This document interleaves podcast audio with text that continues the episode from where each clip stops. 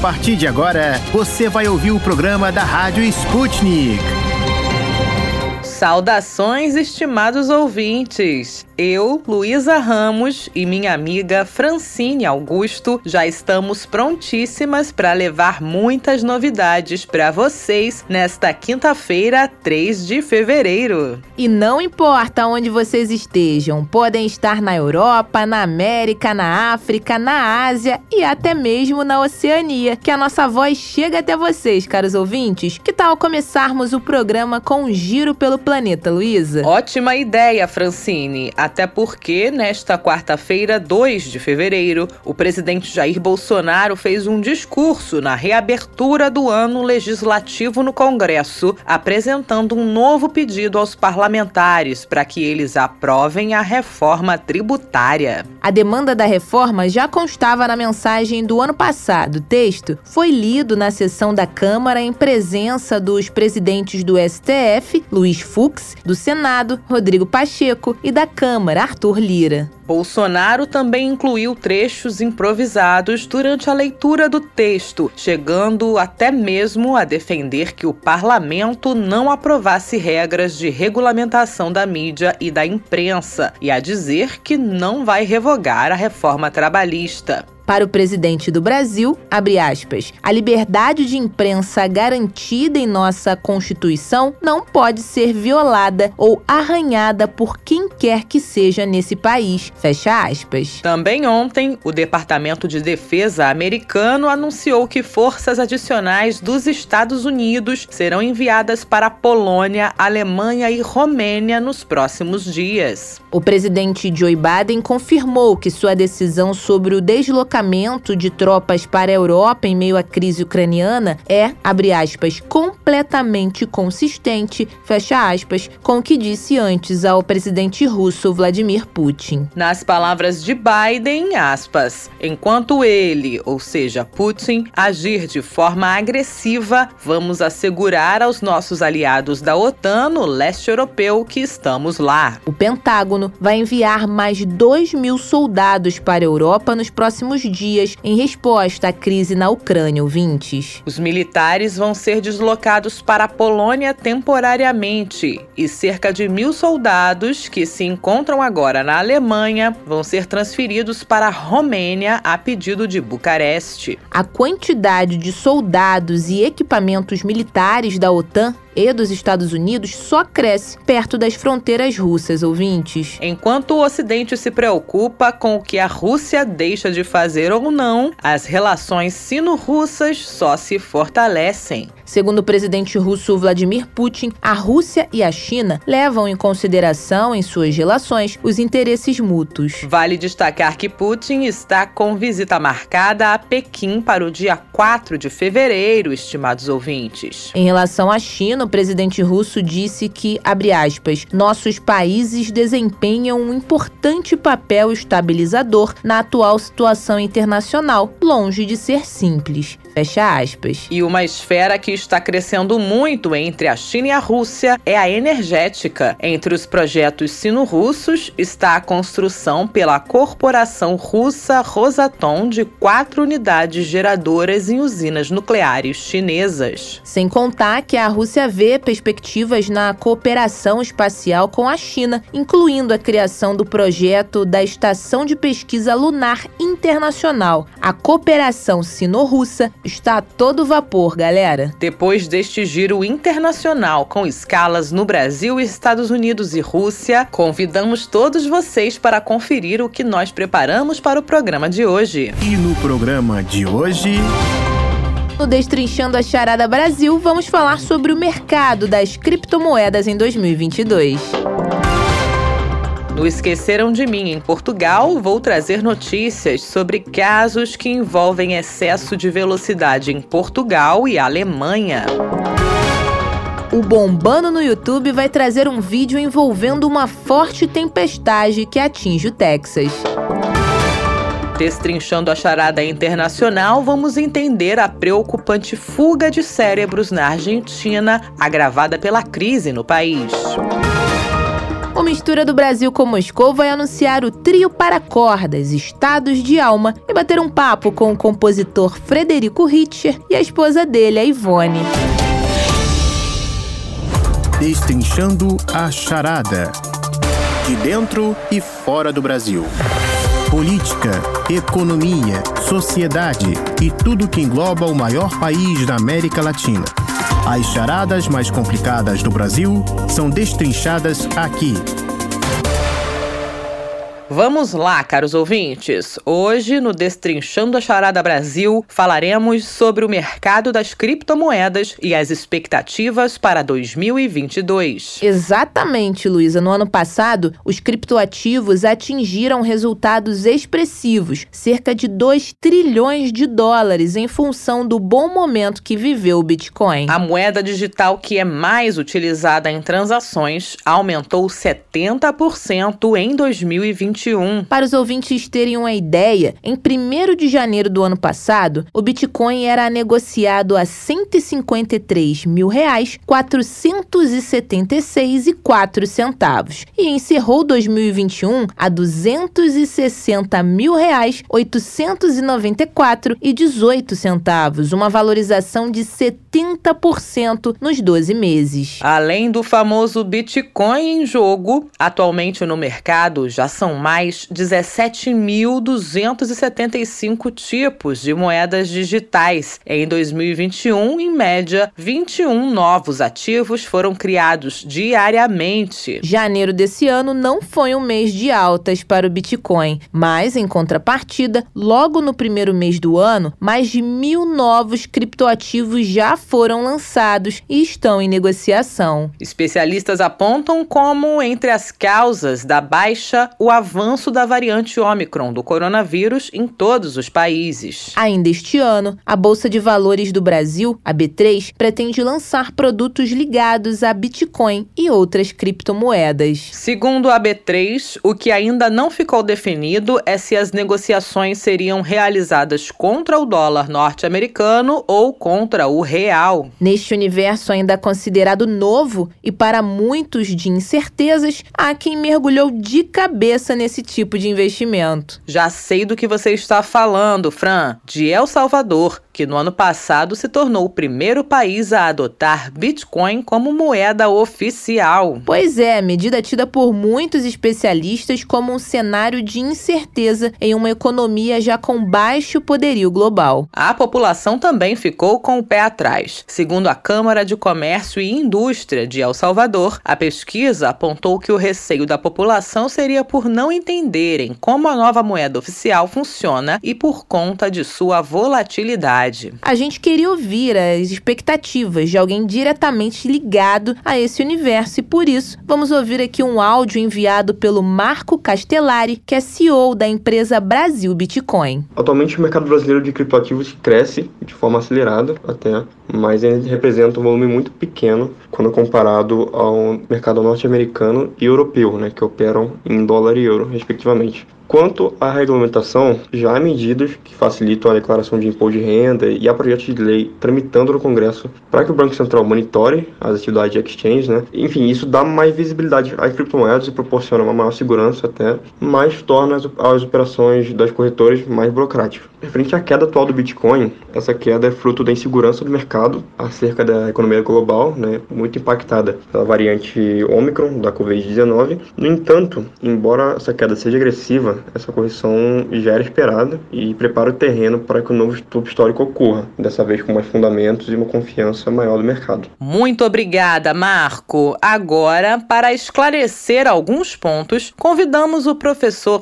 Nelson Mitsuo Shimabukuro, especialista em criptomoedas da Universidade Presbiteriana Mackenzie. Oi, professor Nelson, muito obrigada por conversar com a Rádio Sputnik. O Bitcoin surgiu em 31 de de outubro de 2008. Ainda não houve tempo suficiente para as pessoas terem confiança nesta e em outras criptomoedas? Olha, assim como você comentou, apesar de ser ainda um assunto relativamente novo, né, existe muito mistério em torno desse conceito. Talvez poucas pessoas saibam exatamente do que se trata, tecnicamente falando. E além disso, o Brasil, assim como todas as pessoas no mundo investem bastante, mas ainda existe muita preocupação a respeito disso, porque é algo que não é regulamentado em quase nenhum lugar do mundo.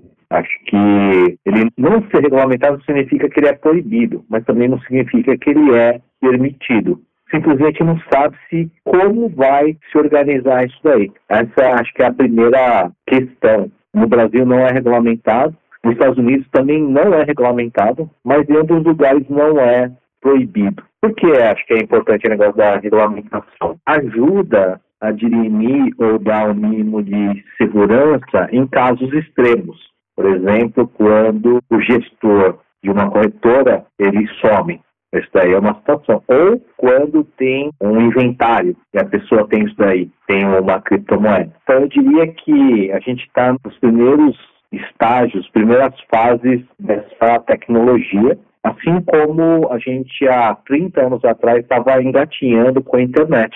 E só alguns anos atrás que a gente teve o marco civil da internet no Brasil e em alguns outros países também. Diferente da internet, a gente tem várias outras questões, até diria conceituais e políticas a respeito de qual é o papel do Estado na economia. Cada um tem uma visão específica disso, mas o Brasil, de maneira geral, é bastante aberto à tecnologia, mas em função de vários problemas que a gente teve aqui, está a maioria das pessoas fica com o pé atrás. Fica aquele balanceamento entre ficar desconfiado e, ao mesmo tempo, com medo de não estar tá embarcando a área promissora e que possa trazer ganhos econômicos. Então fica naquela entre o medo e a ambição. Acho que esse é o, é o da mesma forma que a gente teve essa mesma fase na internet, em outras coisas de e-commerce há 30 anos atrás. No ano passado, no Rio de Janeiro, um empresário foi preso após aplicar vários golpes e ficar conhecido como o rei dos bitcoins. Isso aconteceu em algumas outras cidades também. Por isso eu pergunto, professor, atitudes como essas envolvendo fraudes ajudam no enfraquecimento do mercado de criptomoedas? Com certeza. Acho que além das fraudes que acontecem e que são bastante comuns nessa área de criptomoedas, isso daí já enfraquece. Aí o segundo ponto é que a dinâmica é muito digital. As pessoas têm muito medo do digital, no sentido de só ter a garantia digital e não ter alguma coisa um pouquinho mais palpável. Eu já tive contato com bastante startups na área de criptomoedas, né? além de professor e trabalhar na área de tecnologia e negócios, eu também trabalho na área de empreendedorismo como anjo investidor né? de duas universidades ainda. É, conversando com as pessoas empreendedoras na área de criptomoedas, né, que tem alguma tese de investimento, elas falam que a coisa mais difícil é desmistificar o investimento em criptomoedas. Apesar que tem uma outra teoria por trás desse negócio de criptomoeda e dinheiro, que o dinheiro ele existe porque a gente acredita nele. Se viesse um extraterrestre e você falasse assim, ó, essa nota de 200 reais, você pode ir lá no restaurante e pagar o almoço para quatro pessoas. Por quê, né? É porque ele vale isso, mas isso vale dentro da nossa cultura e dentro da nossa percepção de valor que a gente dá para aquilo lá. Mas se alguém vem de fora, é que ele não entende nada. Ele não tem um valor funcional igual tem o ouro, ele não tem um valor alimentício igual tem a carne ou o sal, ele não tem um valor funcional, assim como tem, sei lá, uma espada ou um artefato de construção, e é um valor que a gente dá, mas que existe na nossa cabeça e no âmago da sociedade. A gente vê que tem a criptomoeda, tem o dinheiro, tem as aplicações financeiras, isso, aquilo, mas a gente está vivendo já num ambiente meio que imaginário, onde a gente dá valor para algumas coisas, mas ele está no arcabouço da sociedade. E esse foi o diferencial né, da organização da sociedade que fez com que a gente se diferenciasse do Neandertal e acessar a sociedade mais sofisticada.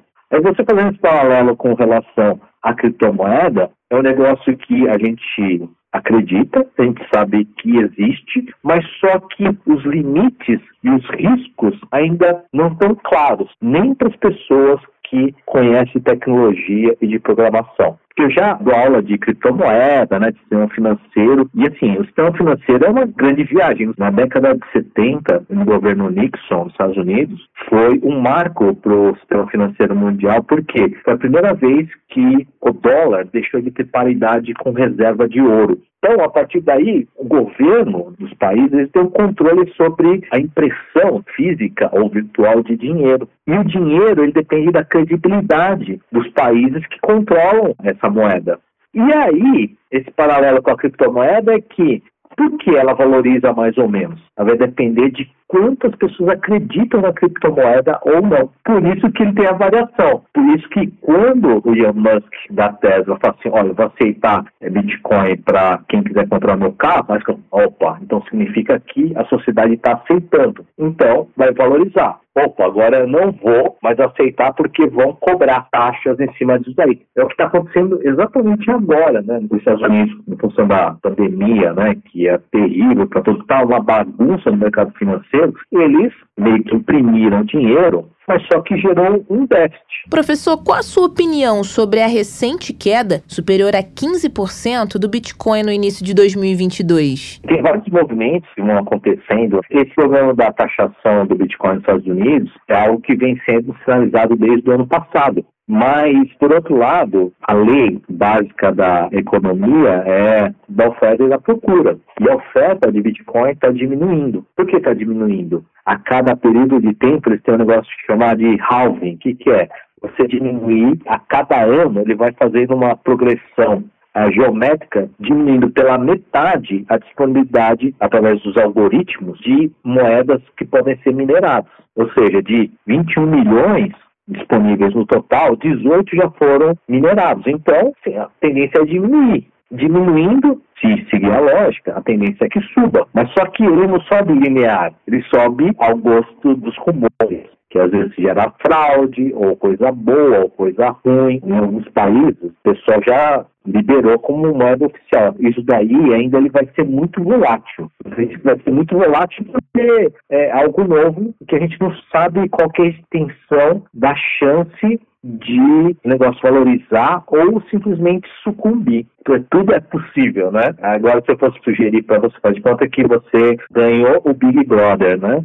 E você assim, eu queria investir um milhão em criptomoedas. Eu falo assim, não faça isso, tá? não faça isso. Se você for investir, invista no máximo 2, 3, estourando 5%. Porque pode ser que daqui 10 anos, fale assim, olha, aquela fantasia era besteira e a gente abandonou. Ou pode ser o oposto. Se você tivesse investido 100 reais, você teria 100 mil reais. Ninguém sabe o que vai acontecer, porque ninguém nunca passou por uma situação parecida. Todo mundo fala, todo mundo cria várias teorias, o fato é que ninguém sabe o que vai acontecer. Tem algumas tendências, né? mas ninguém sabe o que de fato vai acontecer. Professor, e você é do time dos especialistas contra ou a favor do país El Salvador ter aderido à criptomoeda como moeda oficial? El Salvador, imagina, por que o pessoal fez isso? Assim como, não sei se você sabe que o Equador, ele não tem moeda própria, ele usa o dólar. Por quê? O país não é organizado ou confiável o suficiente para ter uma moeda. Não tendo uma moeda confiável, eles vão se ancorar numa moeda que tenha valor. Ou seja, assim como várias das criptomoedas, que a gente tem aí, lá quantas criptomoedas, de 10 a 15 mil criptomoedas, algumas já sumiram. Assim como várias tecnologias já sumiram. Antes mesmo de falar em metaverso, né, que é outra coisa que o pessoal vem falando muito, né, já existia um negócio chamado Second Life. Isso daí, eu, eu trabalhava numa outra empresa, eu já passei por mais de 10 empresas de tecnologia. A gente, num evento chamado FutureCon, a gente falou assim, olha, no futuro as coisas vão ser feitas no Second Life. O Fantástico, na época, até assim, olha, o primeiro casamento entre brasileiros no Second Life. Fantástico saiu isso. E hoje, ninguém lembra disso daí. Porque ia ter o arquiteto que trabalhava no Second Life. Já tinha uma moeda que chamava Linden do Second Life. Tinha pessoas que construíam ilhas lá do Second Life. Você podia fazer uma ligação do Second Life para o mundo real e vice-versa. Demonstrado em evento no Brasil. Sumiu. Outra coisa que sumiu também Google Glass. Houve outras versões e ninguém não está no hype, né, no mainstream. E daí sumiu. Outra coisa que sumiu também recentemente, por questões até regulatórias, a Libra, que era a moeda eletrônica que o Facebook queria usar dentro das plataformas dele. Gente tinha envolvido já Mastercard, tinha dezenas de empresas, só, não vai dar para fazer, abandonou. Isso alguns anos atrás, eu não lembro nem se era dois, três anos atrás não quer dizer que criptomoeda vai sumir, né? Acho que já é um movimento talvez um pouquinho mais consistente, com várias frentes, mas muitas das que existem hoje talvez não vá parecer, porque quando fala em criptomoeda, a pessoa às vezes leva com até com pouca seriedade, porque tem algumas criptomoedas que são baseadas em memes, né? Tem aquela do cachorro, né? Ah, vou fazer um daquele lá, é do cachorro, não sei qual é o nome, vou colocar, colocar Shiba. Aí coloca, coloca uma criptomoeda. Na teoria, quase qualquer um pode fazer uma criptomoeda, né? Recentemente, o prefeito da cidade do Rio de Janeiro anunciou que pretende direcionar parte do tesouro do município para investimentos em criptomoedas. Isso pode influenciar outras cidades turísticas? Eu acho que é um lado positivo, porque existem algumas coisas que correm em paralelo e convergem com as criptomoedas, que é a digitalização do dinheiro. A gente sabe, né, que a tendência de digitalização dos sistemas financeiros é algo que não tem como voltar atrás, apesar dos problemas que a tecnologia traz. Por exemplo, você já deve ter ouvido falar de pessoas que eu comprei um outro celular para com medo de sair com o celular onde está os meus internet banks. Se alguém sequestrar a gente, pode acabar com a nossa vida. Essas iniciativas de digitalização que lá na frente vão convergir com as criptomoedas, são iniciativas que o Banco Central já está fazendo tá? O próprio sistema de compensação brasileiro, que tem o TED, por exemplo, ele é um sistema extremamente sofisticado e que nem todos os países do mundo têm essa mesma agilidade. Tem uma bancada brasileira um dos mais avançados do mundo em termos de antifraude e rapidez na transmissão de recursos financeiros. Nos Estados Unidos, o pessoal ainda usa cheque lá. No Japão, o pessoal usa muito dinheiro físico. E lá no Brasil a gente não usa tanto e na última vez que fui Rio de Janeiro, fui para Real do Cabo um ano atrás, né, em janeiro do ano passado, eu paguei meu passeio de barco com Pix. Então, a digitalização, desde as compensações de cheque pelo celular, passando pelo PED, agora recentemente pelo PIX, desde novembro de 2020 para cá, e todas essas facilidades que a gente está tendo, significa que o Banco Central brasileiro ele está migrando e forçando a digitalização para aumentar a eficiência do sistema bancário brasileiro em direção ao digital e criar bases para que, em primeira instância, digitalize o real, como está acontecendo na China, e também criar bases para entender qual é a melhor maneira de regulamentar criptomoedas. Eu acredito que, no médio prazo, ou eventualmente até antes, o Brasil, principalmente se os Estados Unidos seguir nessa linha, vai seguir para a regulamentação. Aí, se efetivamente seguir para a regulamentação, aí vai ser uma confirmação da estrutura e da confiabilidade que as criptomoedas podem trazer. Talvez não sejam todas, né, que sejam regulamentadas. É um cenário totalmente novo que o governo não sabe como fazer isso daí, porque cada um pode criar sua criptomoeda, né? Tendo mais de 10, 15 mil criptomoedas, quais vão ser passíveis de regulamentação ou não, em que situações ou não, né? Vai ter várias coisas para serem discutidas, da mesma forma que o e-commerce, o problema do phishing, o problema das fraudes digitais, elas continuam sendo discutidos na internet. Tudo que a gente tem de comércio digital, tudo de marketplace, ainda tem algumas coisas que gera transtornos. Mas daqui a pouco, regulamentação legal civil e vai conseguindo estruturar e deixar claro como as coisas vão funcionar. Hoje ainda é meio que algo bem nebuloso como vai acontecer. Por isso que, sendo nebuloso, as coisas migram para uma parte, assim, às vezes meio difícil da população média entender e confiar. Por isso que existe essa situação ainda de dúvida, né? A minha sugestão, assim, para as pessoas é que, assim como o mercado de renda variável, ações, fundos imobiliários, as pessoas comecem a investir, mas bem pouquinho. E aí, conforme vai entendendo a dinâmica, aí vai investindo mais, mas criptomoedas investir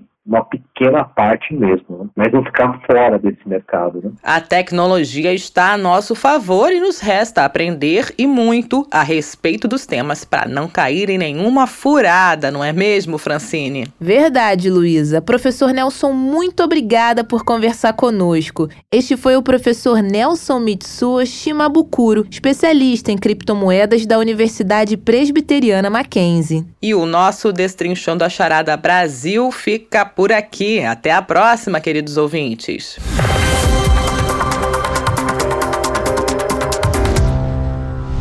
Esqueceram de mim em Portugal.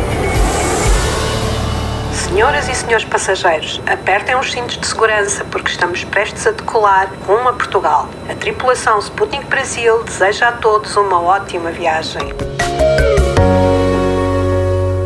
Chegou a hora de comentar curiosidades e notícias que saíram na mídia portuguesa. Nossa colega correspondente na Europa, Luísa Ramos, já está por aqui. Estou sim, Fran. Bom, um assunto que anda sendo colocado em pauta em Portugal e em outros países europeus atualmente são os limites de velocidade nas estradas. Em Portugal, o tópico ganhou mais força depois de escândalos envolvendo motoristas de políticos portugueses que passam dos limites de velocidade no país. Por isso, nesta quinta-feira, 3 de fevereiro, a Prefeitura da capital Lisboa anunciou que vai passar a controlar mais as estradas já a partir do mês que vem. Lu, Relembra, por favor, para os nossos ouvintes o escândalo mais recente em Portugal envolvendo excesso de velocidade. Claro que sim, Fran. Um dos casos mais graves dos últimos tempos foi inclusive o que levou ao pedido de demissão do ministro do Interior de Portugal, Eduardo Cabrita, no começo de dezembro do ano passado. Isso porque, em junho, seu motorista oficial causou a morte de um trabalhador ao dirigir o carro ministerial a mais de 160 km por hora em uma rodovia na região de Évora, a cerca de uma hora e meia da capital Lisboa. O caso foi recentemente reaberto, agora em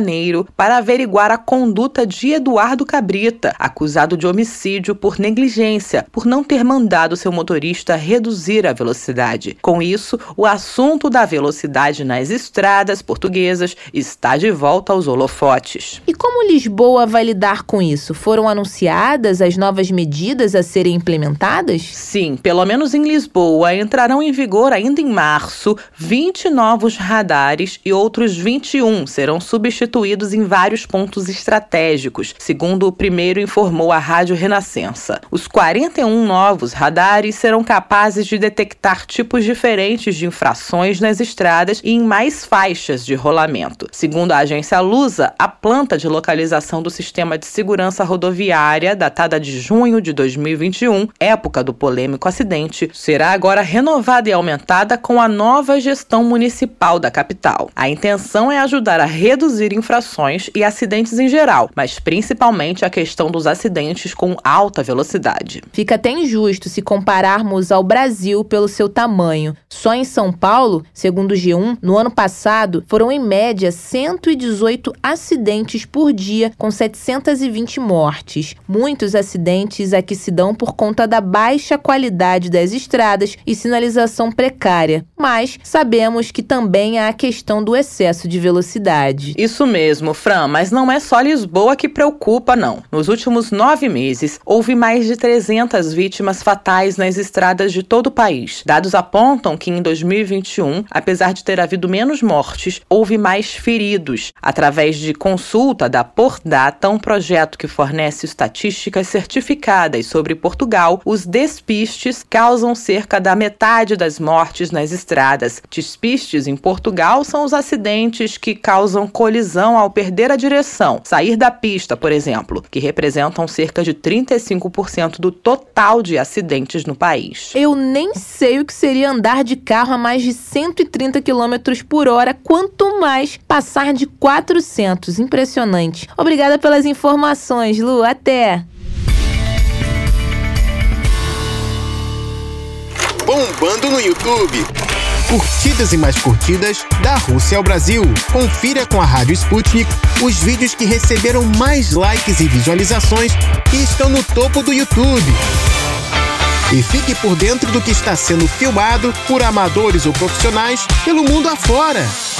Chegou a hora de ficar por dentro dos cinco vídeos mais curtidos e visualizados no YouTube, queridos ouvintes. Pois é, e voltando a falar de Europa, as excelentes estradas alemãs sem limites de velocidade é que passaram a ser questionadas esta semana depois que o bilionário tcheco Radim Passer gravou um vídeo em que ele acelera um Bugatti a 414 km por hora. O vídeo, postado dia 9 de janeiro, já foi visto mais de 8 milhões e meio de vezes no YouTube. Mas a brincadeira acabou irritando as autoridades alemãs, que veem um abuso do bilionário. Radim Passer não cometeu nenhuma infração de trânsito de acordo com as leis alemãs, mas gerou debates no país. Tanto que o Partido Verde sugere agora limites nacionais de velocidade de 130 km por hora. O Tito comentou sobre o Texas, alguns distritos escolares por lá já fecharam as portas por causa da tempestade e o governador garantiu que não há necessidade desse desespero e que estão mais preparados para a tempestade neste ano. E quem vai contar as novidades do YouTube é o nosso especialista em vídeos, Tito da Silva, da redação da Sputnik Brasil, lá em Moscou. Olá, Tito. Olá, queridos amigos da Rádio Sputnik. Eu sou Tito da Silva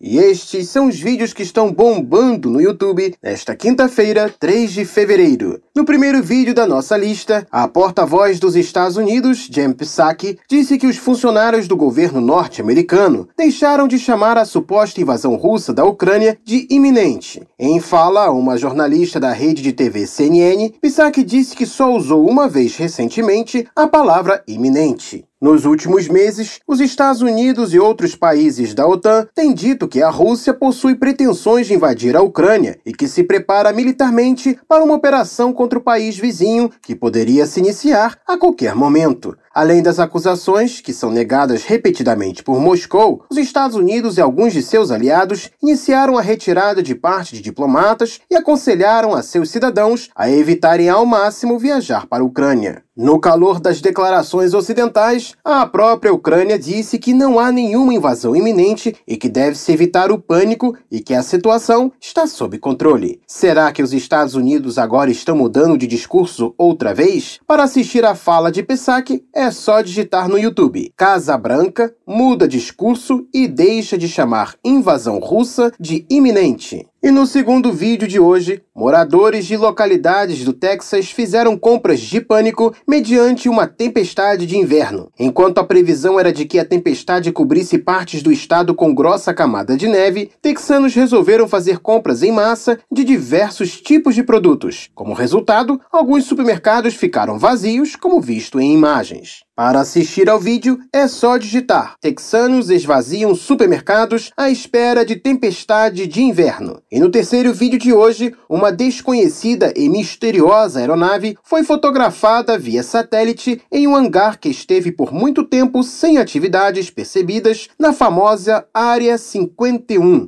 A aeronave, em forma de delta, parece ter as dimensões de um caça russo Su-27, mas seu formato se distingue consideravelmente da aeronave russa. O avião tem características semelhantes aos de sexta geração que estão sendo desenvolvidos pelos militares norte-americanos e lembra um pouco guerras futurísticas. Se você gosta do assunto, assista ao vídeo e veja as imagens da aeronave digitando no YouTube. Imagem de satélite revela a aeronave desconhecida na área 51 1, diz mídia. No quarto vídeo de hoje, a ONU considerou Moscou como a melhor megalópole do mundo em qualidade de vida e infraestrutura. Para tanto, a organização considerou dados de 50 cidades em todo o mundo, sendo que 29 delas entraram no ranking. Desta forma, a capital russa ultrapassou nos quesitos referidos cidades como Londres, Madrid, Nova York, Hong Kong, Buenos Aires, São Paulo e muitas outras. Para saber mais detalhes, coloque assim: Moscou se torna torna a melhor megalópole para se viver no mundo em ranking da ONU. E no quinto vídeo de hoje, o cantor Di Ferreiro falou sobre uma experiência bem tensa entre a apresentadora Xuxa e um membro da máfia japonesa Yakuza no Japão. Bom, se é verdade ou não, nós não sabemos. Mas falando no canal Corte Mais Que 8 Minutos, Di Ferreiro disse que em visita ao país, ele e a Xuxa foram em um local que seria de atividades da Yakuza. Enquanto tiravam fotos do local, um membro da organização criminosa teria se incomodado com a presença dos estrangeiros e rolou uma pequena confusão com a apresentadora. Será que foi isso mesmo? E por hoje é tudo, pessoal. Até mais! Em fevereiro do ano passado, durante uma forte tempestade, houve graves problemas na rede elétrica do estado, deixando milhares de pessoas sem energia e sem aquecimento por semanas. Uma situação muito delicada. A gente torce para que dê tudo certo por lá. Tito da Silva, muito obrigada pelo top 5 do YouTube. Até amanhã.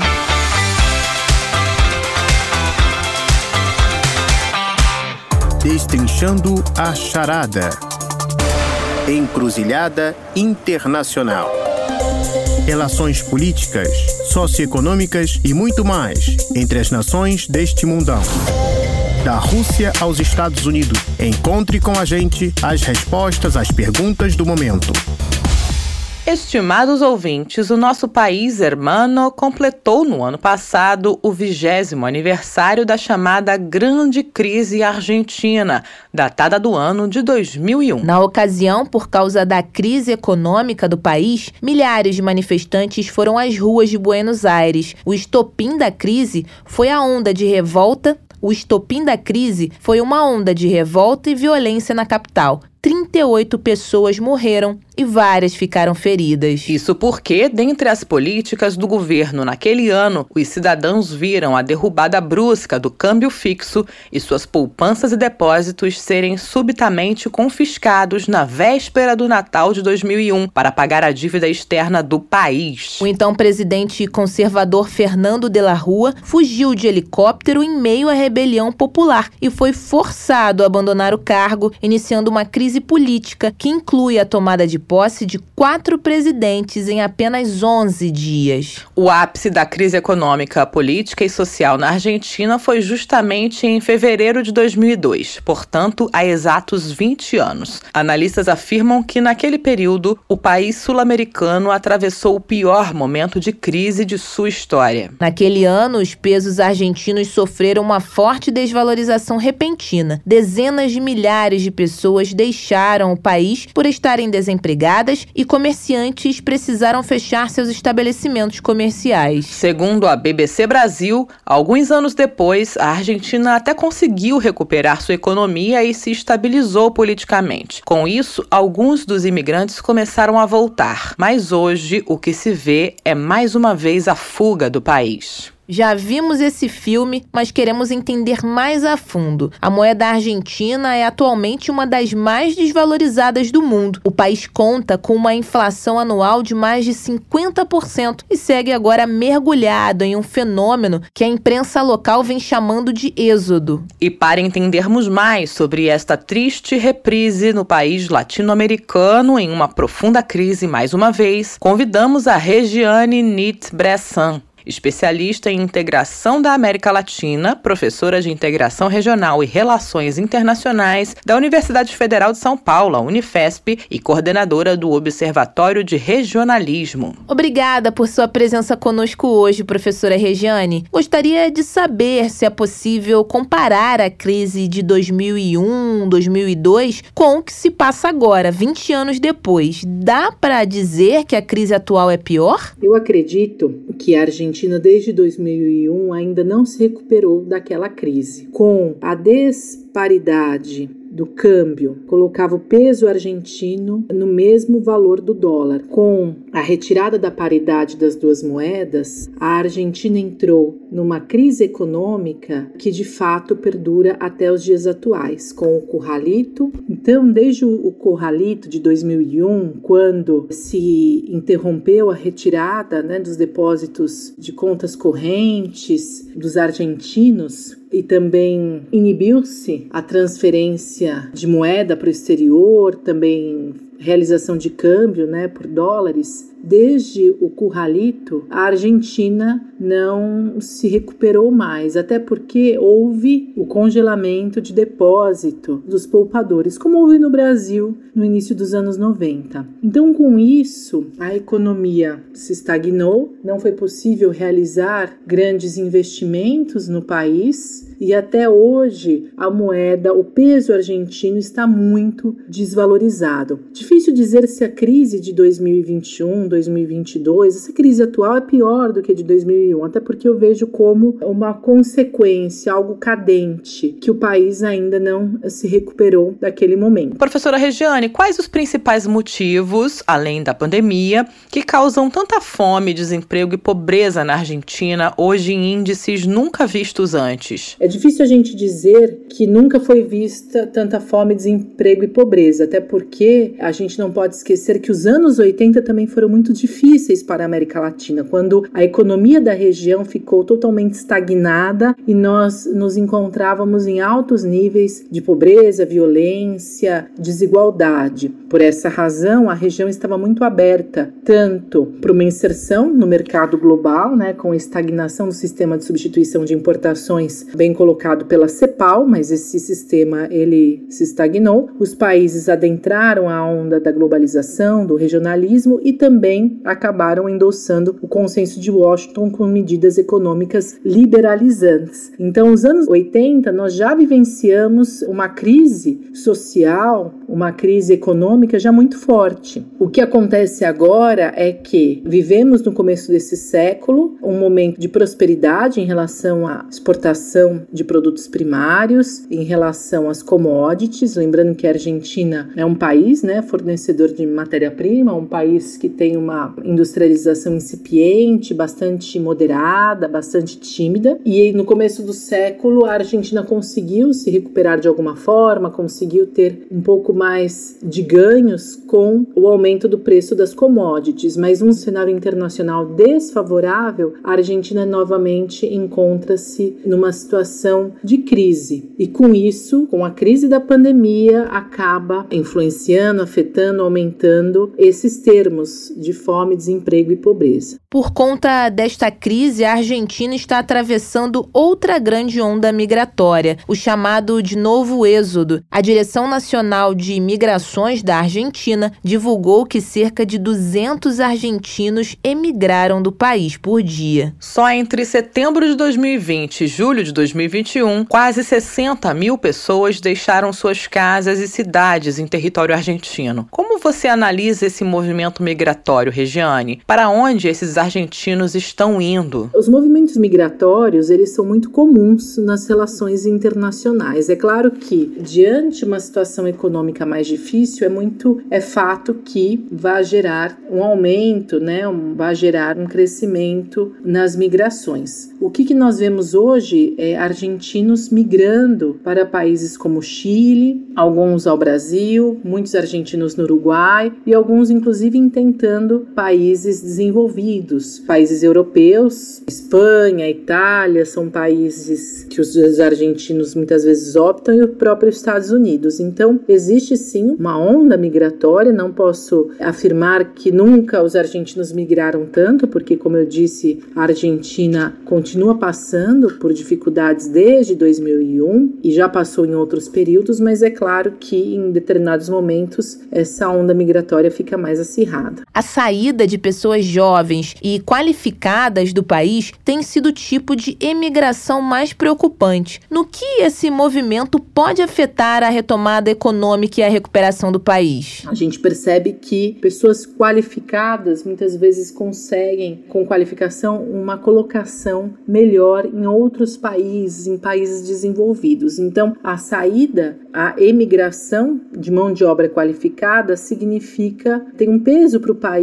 dado que são pessoas que poderiam contribuir para o próprio desenvolvimento, poderiam contribuir para a ciência do país e acabam encontrando melhores oportunidades fora, né? Infelizmente, isso é muito comum em países em desenvolvimento. Isso também acontece no Brasil, acontece na Índia, acontece na Colômbia, acontece em países que conseguem de alguma forma preparar uma mão de obra, mas em momentos de crise essa existe uma fuga de cérebros, como a gente chama. Professora, há alguma previsão de uma recuperação da Argentina? Quais medidas estão sendo tomadas pelo governo atual peronista de centro-esquerda de Alberto Fernandes para combater a crise? Infelizmente, nós não temos uma previsão de recuperação, porque a Argentina acabou por assinar um acordo com o FMI que amortiza de alguma forma a dívida fraudulenta. Por que fraudulenta? Uma dívida que foi feita por Macri em relação ao FMI e foi uma dívida que não colaborou diretamente para o desenvolvimento do país. Esse tipo de crédito, ao violar inclusive as normas do próprio FMI, acabou por financiar de certa forma a fuga de capitais e não contribuiu para empreendimentos produtivos no país. Então não houve, nós não tivemos um investimento direto no desenvolvimento do país com essa dívida feita pelo FMI na época do Macri. O governo Alberto Fernandes acaba do que de acordar novamente essa dívida jogando para 2025 a carga de 45,5 bilhões de dólares. Então, essa dívida vai reaparecer é, em 2025 e o país talvez não tenha condições novamente de reiniciar o pagamento dessa dívida. Dívida, como eu disse, que foi feita para tentar amenizar a situação difícil, dura, crítica da economia do país. No entanto, nós percebemos que não houve é, um investimento direto para o desenvolvimento, para a industrialização, o que é muito ruim para o país como um todo e para a sua sociedade. E a dívida não é pequena. O presidente Alberto Fernandes anunciou ainda na sexta-feira passada, dia 28, que o país fechou o acordo para refinanciar a dívida de 44 bilhões de dólares com o FMI, como a professora mencionou. A dívida bruta total da Argentina equivale a 82,2% do seu PIB, segundo os últimos dados oficiais de 2021. Podemos dizer que, politicamente, a Argentina foi prejudicada prejudicada pela mesma onda política latino-americana do conservadorismo? Qual análise a senhora pode trazer para nós sobre a política atual do país? Nós estamos vendo sim na Argentina, de acordo com esse descontentamento, a emergência de lideranças bastante conservadoras que remetem a valores e símbolos já bastante difundidos por governos conservadores e liberais, governos que rompem com democracia, com as instituições democráticas, para é, atraírem uma parcela da população que está muito descontente. E essas figuras, essas lideranças, inclusive, eles evocam é, símbolos ligados à família, a Deus, a crenças conservadoras. Então, a Argentina está vivendo mais uma onda, né? Nessa está sendo afetada por essa onda, melhor dizendo, com a ascensão do Javier Milei, que evoca justamente esses valores. Então é possível que nós tenhamos nas próximas eleições a emergência de uma figura presidencial muito próxima ao Brasil, dado que a população também está muito descontente a despeito da mudança de governo político ideológica que o país já é, viveu nessa última década, né? Então o país tentou o Macri, um governo mais à direita, e agora o Fernandes, né, ligado à família família Kirchner à esquerda e nenhum deles conseguiu, evidentemente, resolver, sanar a situação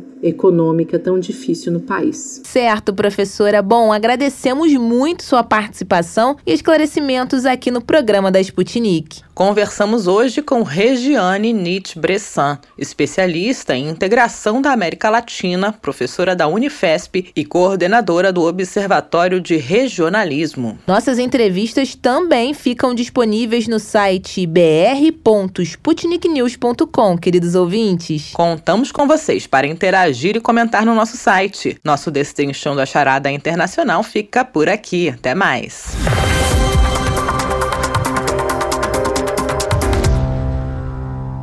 Mistura do Brasil com Moscou. A mistura agora é com a Rússia e a coreografia já está pronta Com os gingados russos e brasileiros, as relações estão em sintonia entre estes dois gigantes. A Rádio Sputnik tem o prazer de anunciar o trio para cordas, Estados de Alma, do grande compositor Frederico Richter. E o anúncio desta composição não poderia vir em um momento melhor, caros ouvintes. No dia 6 de fevereiro, Frederico Richter completa 90 anos. Feliz aniversário adiantado, Frederico! Queridos ouvintes, além de compositor, este gaúcho é maestro, violonista, professor aposentado e pesquisador em se tratando de composição, Frederico Richter começou a compor na infância e hoje em dia conta com mais de 940 obras, entre títulos globais como ciclos, sinfonias, peças sinfônicas com coro e orquestra e cerca de 50 obras para orquestra sinfônica, orquestra de câmara e ópera. O trio para cordas Estados de Alma, que anunciamos hoje, foi escrita para violino, viola e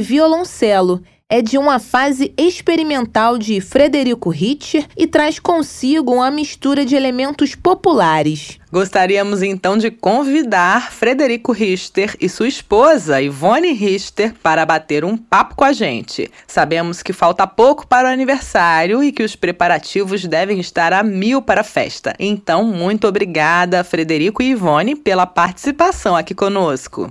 Olá, Frederico. Minhas saudações à Rádio Sputnik Moscou e meus agradecimentos pelo convite. Olá, Ivone. E há quanto tempo vocês estão juntos? Conta pra gente. É um prazer participar dessa entrevista. Queríamos agradecer muito essa oportunidade de estar aqui contigo na Rádio Sputnik para falar um pouquinho sobre o Frederico. Eu sou Ivone Richter, sou esposa do Frederico. Nós somos casados há 62 anos e namorados a 65. Frederico Richter é de Nova Hamburgo, na Grande Porto Alegre, mas viveu 34 anos em Santa Maria, onde assumiu como maestro titular a Orquestra Sinfônica de Santa Maria, da qual foi o criador e fundador. Na Universidade Federal de Santa Maria, ele exerceu a docência como professor titular e regência por 33 anos. Ivone, a história de vocês dois está muito ligada à Universidade Federal de Santa Maria? Eu sou da área de artes visuais e design.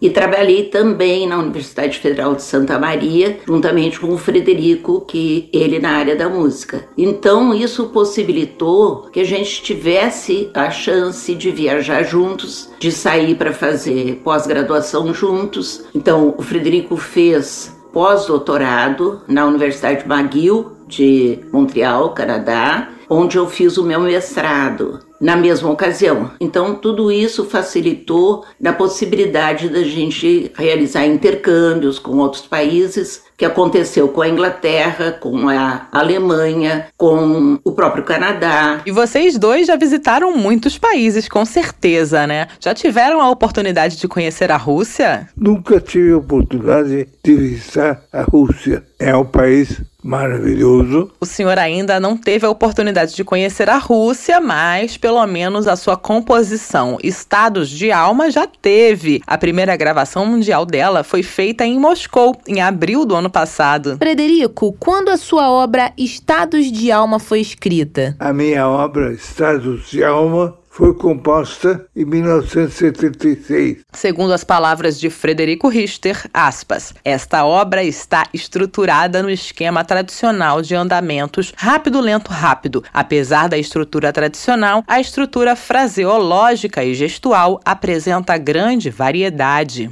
Para Richter, abre aspas, é a escolha de alturas que garante a coerência e a coesão visto que esta é uma música que emprega uma técnica de serialismo livre. O arco dramático da peça é linear e nos direciona ao terceiro movimento, carnaval, no qual os clusters de semitons e as técnicas estendidas são utilizados para evocar o clima descontraído e intenso dessa época de festas. Fecha aspas. Frederico e Ivone, e o que, que vocês acharam da execução dos músicos russos? A execução achei excelente. Ficamos encantados com a qualidade da apresentação dessa obra do Frederico, Estados de Alma, por esse trio russo que realmente interpretou com uma maestria e uma compreensão da música que foi muito importante. Ivone, pode falar um pouco sobre o processo criativo do seu marido? Ao longo da vida, eu tenho acompanhado o Frederico em muitas andanças, muitas aventuras e especialmente acompanhado esse compositor que tem uma capacidade de criação incrível. Eu nunca vi o Frederico sem inspiração. Nunca vi o Frederico parado sem compor. Ao longo de todo esse tempo, eu acompanho sempre, ele está sempre com novas ideias, novas experiências, participando desde música eletroacústica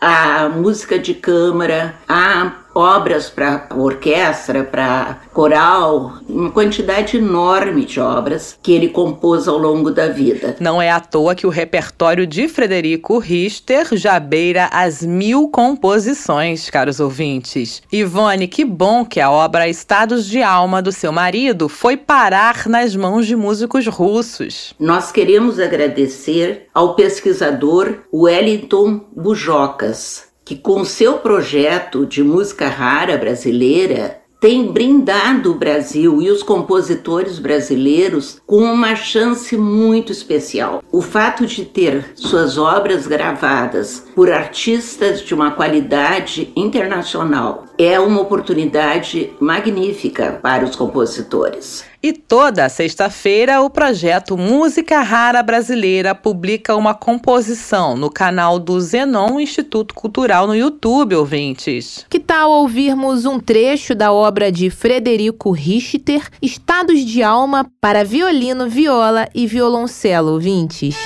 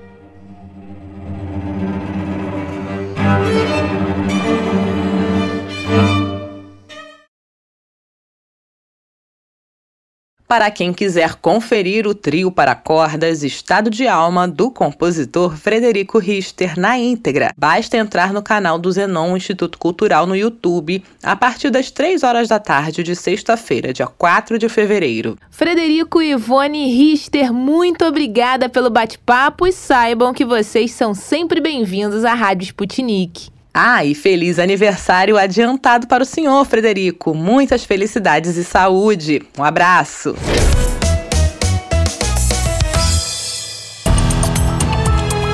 Hora de dar tchau.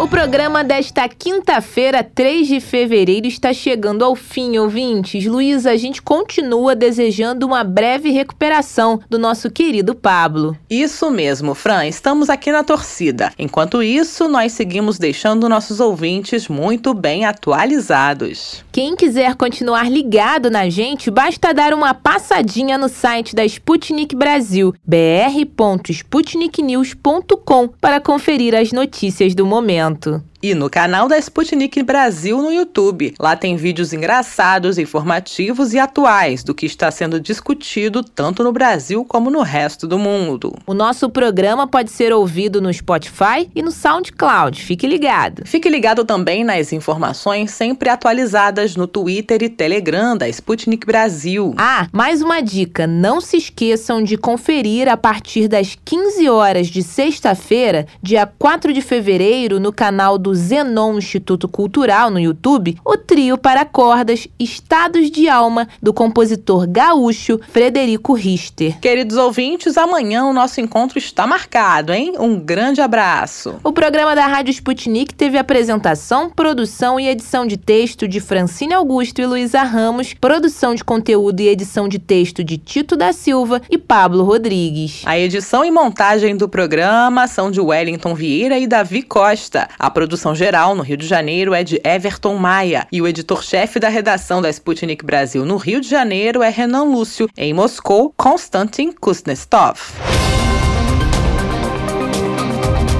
Você acabou de ouvir mais um programa da Rádio Sputnik.